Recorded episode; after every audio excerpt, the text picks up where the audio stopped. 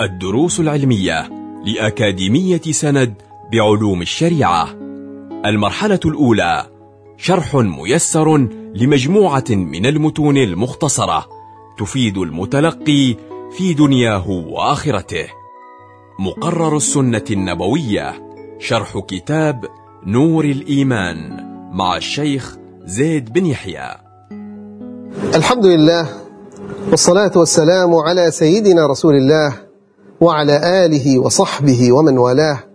أما بعد ومن رياض نور الإيمان نقف أمام بعض أحاديث رسول الله صلى الله عليه وآله وسلم والحديث الأول عن دخول شهر رمضان وما يصاحب هذا الزمان من خيرات ومن نفحات الرحمن والحديث عن راوية الإسلام أبو هريرة رضي الله عنه.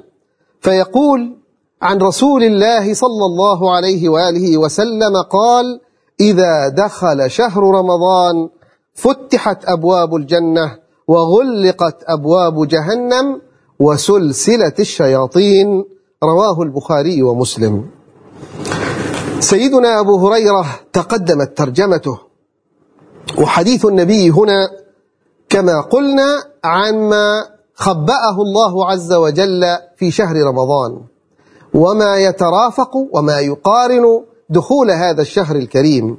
فيقول صلوات ربي وسلامه عليه إذا دخل شهر رمضان سمي هذا الشهر بشهر رمضان لأسباب متعددة. فهناك من قال لأن العرب عندما سمت الشهور صادف هذا الشهر شدة الحر الرمضاء فسموه شهر رمضان. وقيل لأنه يرمض الذنوب أي لأنه يحرق الذنوب وينهيها فلا تبقى على الإنسان بعد صيامه من الذنوب لأن الله قد غفرها ببركة هذا الشهر الكريم.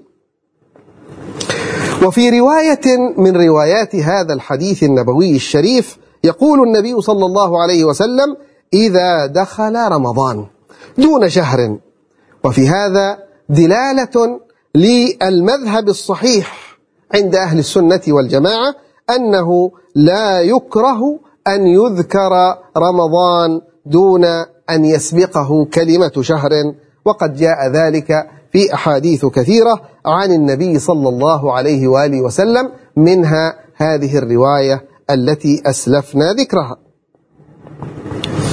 ثم قال النبي صلى الله عليه وآله وسلم إذا دخل شهر رمضان فتحت أبواب الجنة.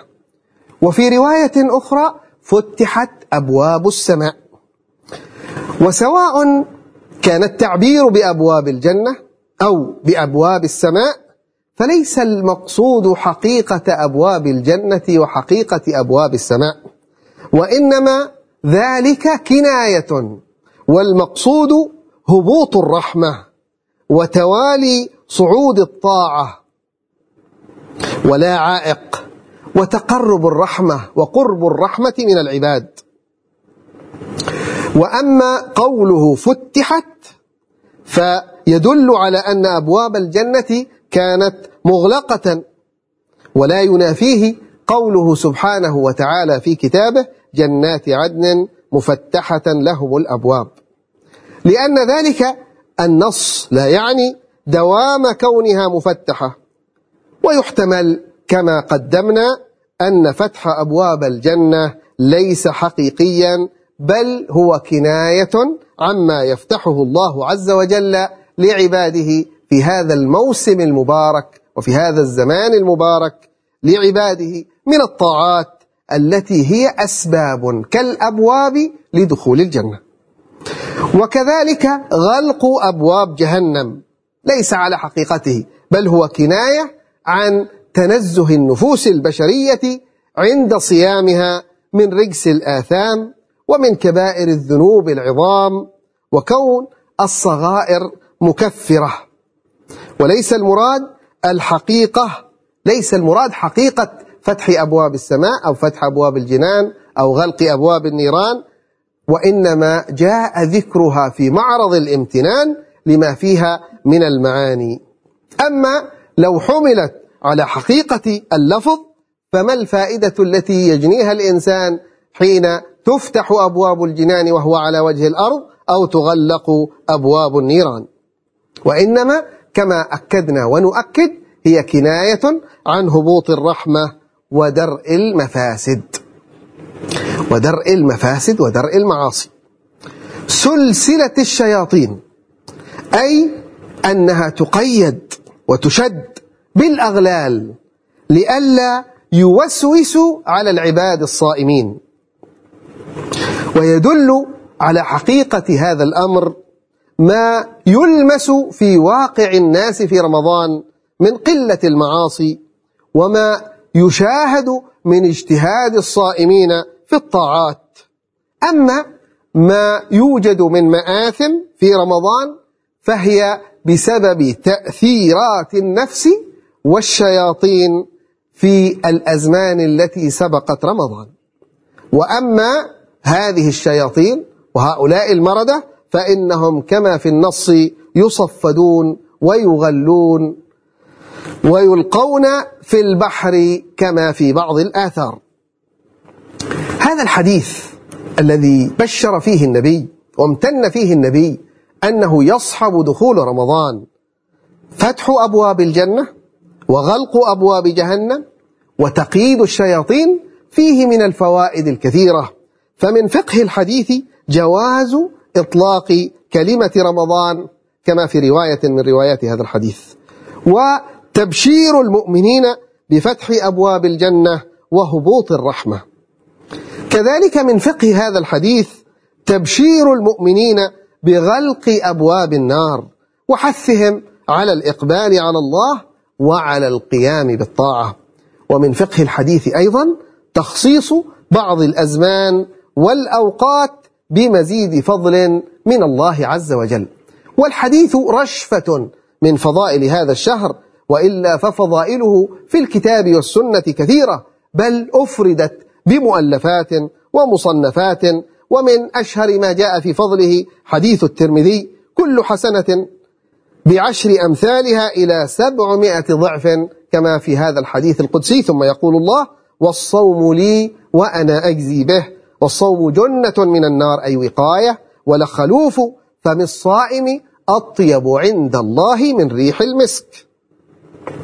وكذلك حديث النساء عن أبي أمامة قلت يا رسول الله مرني بعمل قال عليك بالصوم فإنه لا عدل له لا مثل له ولا يساويه شيء من الأعمال الصالحة. وكذلك حديث صوموا تصحوا فالصيام مجلبة للصحة البدنية والصحة النفسية والصحة الروحية. وأخرج ابن ماجه لكل شيء زكاة وزكاة الجسد الصوم والصيام نصف الصبر. وكذلك حديث الإمام أحمد الصيام جنة وحصن حصين من النار. وفي حديث آخر من صام يوما ابتغاء وجه الله باعده الله من جهنم كبعد غراب طار وهو فرخ حتى مات هرما.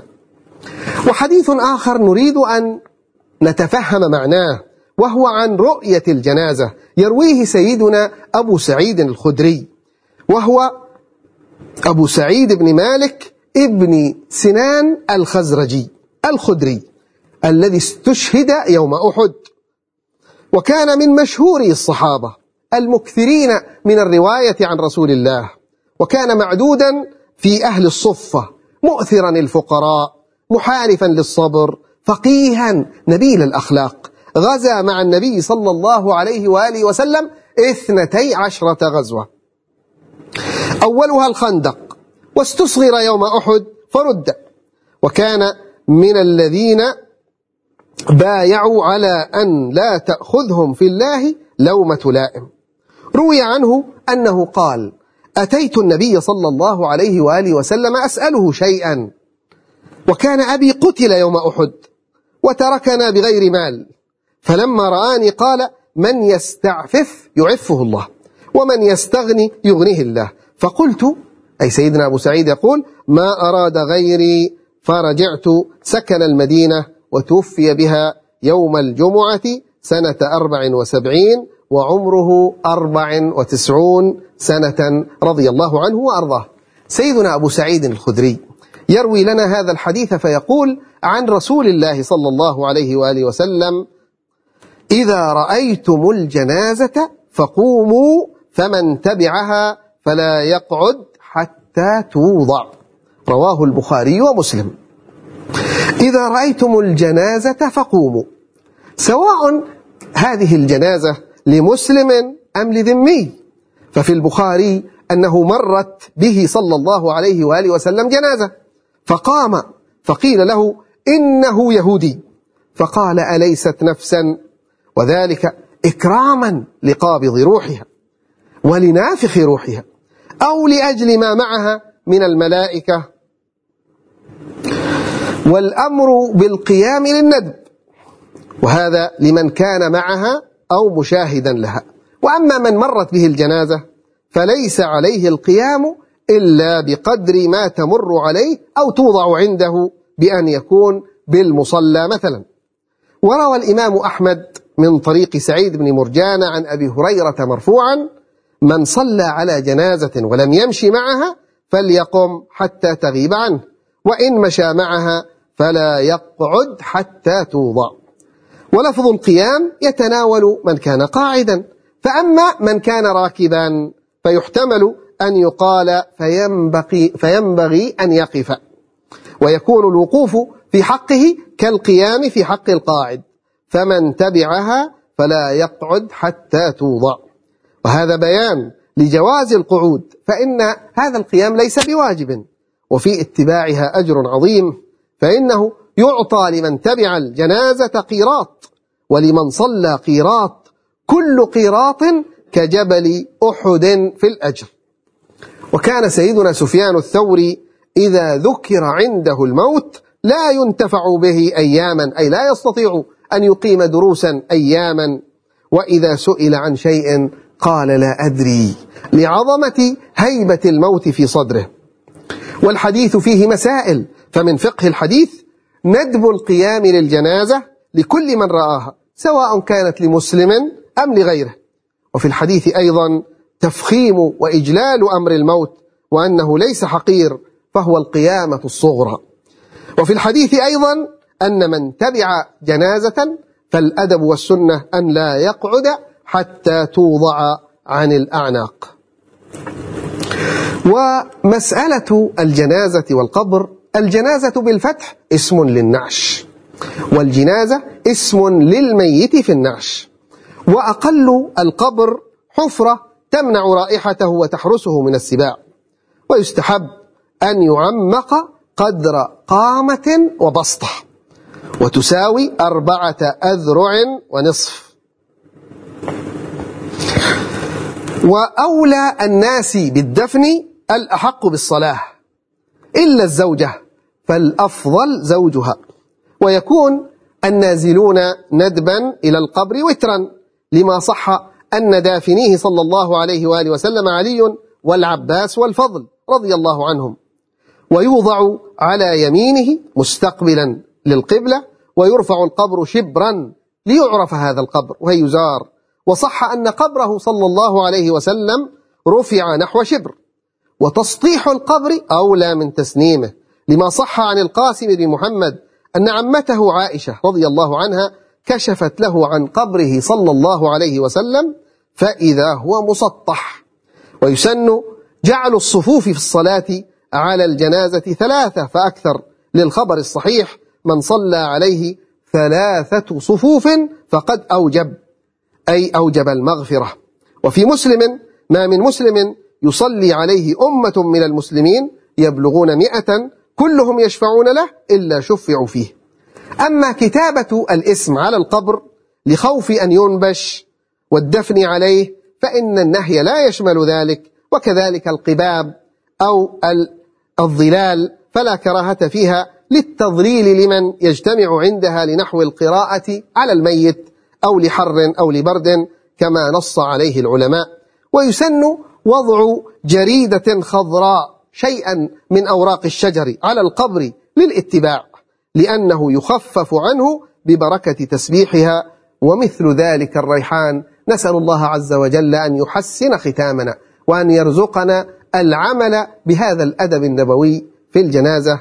وأن يهيئنا لاستقبال مواسم الخير والبركة. إنه على ذلك قدير وبالإجابة جدير. وصلى الله على سيدنا محمد وعلى آله والحمد لله رب العالمين. كنتم مع الدروس العلمية لأكاديمية سند بعلوم الشريعة. يمكنكم متابعة جميع الدروس عبر موقع الأكاديمية وتطبيقاتها الإلكترونية. سند علم سلوك دعوة.